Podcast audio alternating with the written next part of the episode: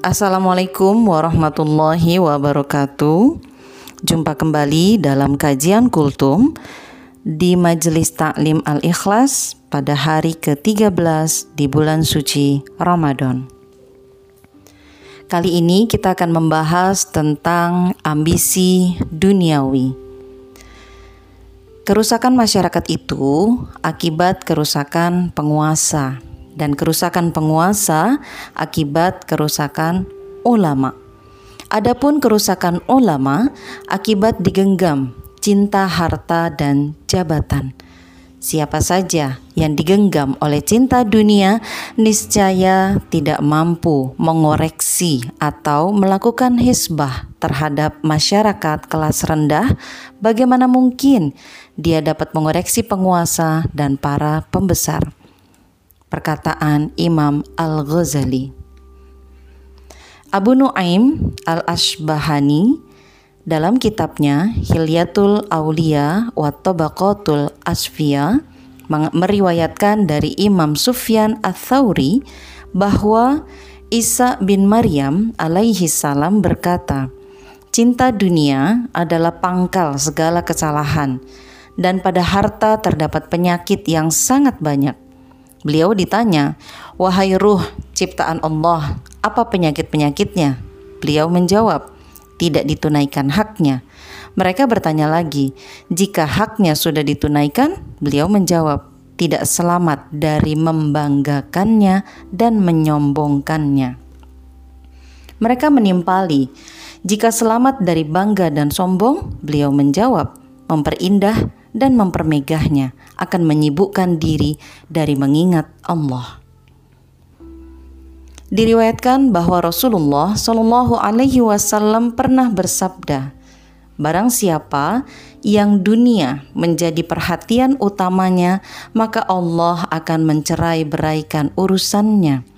dan Allah akan menjadikan kemiskinannya ada di depan matanya dan tidaklah dunia akan mendatanginya kecuali apa yang telah ditetapkan baginya. Dan barang siapa menjadikan akhirat sebagai niatannya, maka Allah akan mengumpulkan urusannya, menjadikan kekayaan dalam hatinya, serta dunia akan mendatanginya.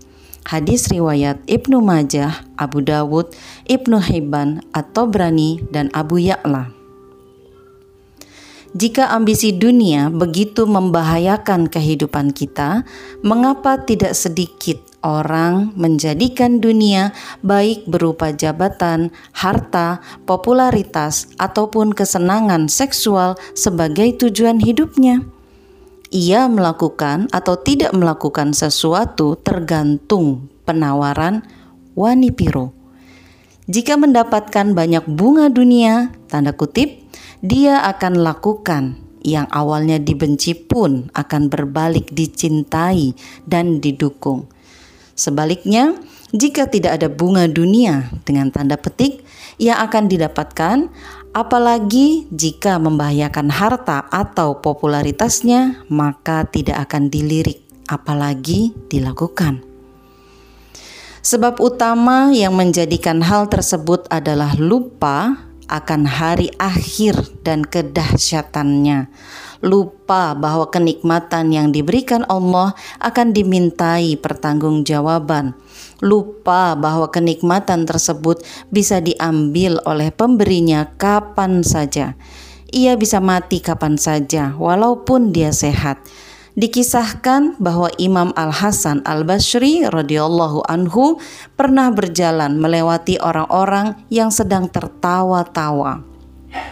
Lalu beliau bertanya kepada orang itu, "Saudaraku, apakah engkau pernah melewati titian akhirat as-surat?" Orang itu menjawab, "Belum." Lalu beliau bertanya kembali, "Kalau begitu, kenapa engkau tertawa seperti ini? Padahal hari-hari kelak amatlah sulit." Ambisi dunia, jika itu merasuki jiwa ulama, maka rusaklah ulama tersebut. Halal haram bisa ditetapkan tergantung negosiasi. Kewajiban bisa disembunyikan asal cocok harganya. Ketika ulama rusak, maka rusaklah penguasanya. Dia bisa melegalkan apa yang diharamkan Allah dan sebaliknya.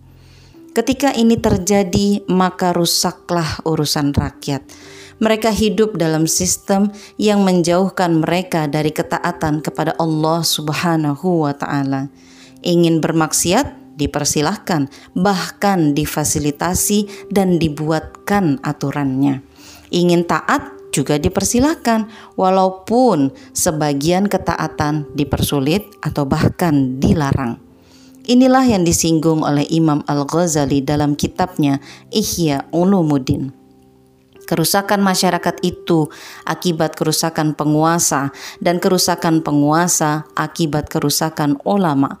Adapun kerusakan akibat Adapun kerusakan ulama akibat digenggam cinta harta dan jabatan. Siapa saja yang digenggam oleh cinta dunia, niscaya tidak mampu mengoreksi atau melakukan hisbah terhadap masyarakat kelas rendah. Bagaimana mungkin dia dapat mengoreksi penguasa dan para pembesar? Namun demikian, kenikmatan dunia tidaklah diharamkan sama sekali. Yang perlu diingat adalah bahwa semua nikmat tersebut akan dimintai tanggung jawab di akhirat kelak. Dengan cara apa memperolehnya dan dalam rangka apa digunakannya. Al-Hafiz Ibnul Jauzi dalam kitabnya Bahrud Dumu' atau lautan air mata mengingatkan kita tentang orang-orang yang begitu cekatan mencari dunia. Kapankah pencarianmu akan berakhir? Wahai yang begitu cekatan mencari dunia, kapankah batas impianmu tercapai sehingga pencarianmu akan berakhir? Kalau mencari akhirat, engkau berlamban-lamban. Kapan kau akan mengambil keuntungan? Sungguh ajaib. Engkau bersemangat mencari sesuatu yang fana, padahal di perjalanannya banyak perampok menghadang. Maksudnya, banyak orang mengejar dunia, namun apa yang didapatkannya justru dinikmati orang lain, baik ia suka atau tidak. Umur adalah amanah, engkau menghabiskannya masa muda dalam pengkhianatan. Maksudnya, termasuk mengkhianati amanah umur adalah dengan melakukan perkara sia-sia, juga lalai mencari bekal untuk yang kehidupan, untuk bekal kehidupan yang kekal karena sibuk mengejar target duniawi. Masa tua dalam pengangguran dan masa renta dalam tangisan, umurku telah hilang. Bilakah pengkhianat beruntung dengan apa yang dibeli atau dijualnya? Kau sehat kala mengejar dunia, tetapi sakit kala mengejar akhirat. Maksudnya adalah untuk dapat gaji yang tidak seberapa kita bisa bekerja 8 jam sehari atau lebih. Namun untuk menggaji, namun untuk mengaji yang sebentar saja dan beramal kadang kita malas atau asal-asalan. Betapa sering engkau berpaling dari jalan takwa, wahai yang pincang cita-citanya. Maksudnya adalah untuk menggapai cita-cita duniawi atau materi kita rela bersusah payah, sedang untuk meraih kemuliaan akhirat kadang malasnya minta ampun. Wahai yang tinggal di dasar jurang, Wahai pemilik malam-malam kealpaan, uban telah muncul, bergabunglah dengan kaum yang bertobat sebelum kau terputus bersama yang lain. Sahabat yang dirahmati Allah, sebentar lagi beberapa hari lagi kita akan memasuki pertengahan bulan suci Ramadan.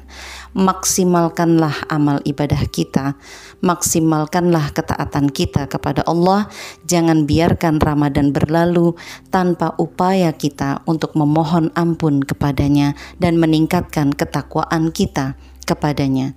Bilahi taufiq wal hidayah. Assalamualaikum warahmatullahi wabarakatuh.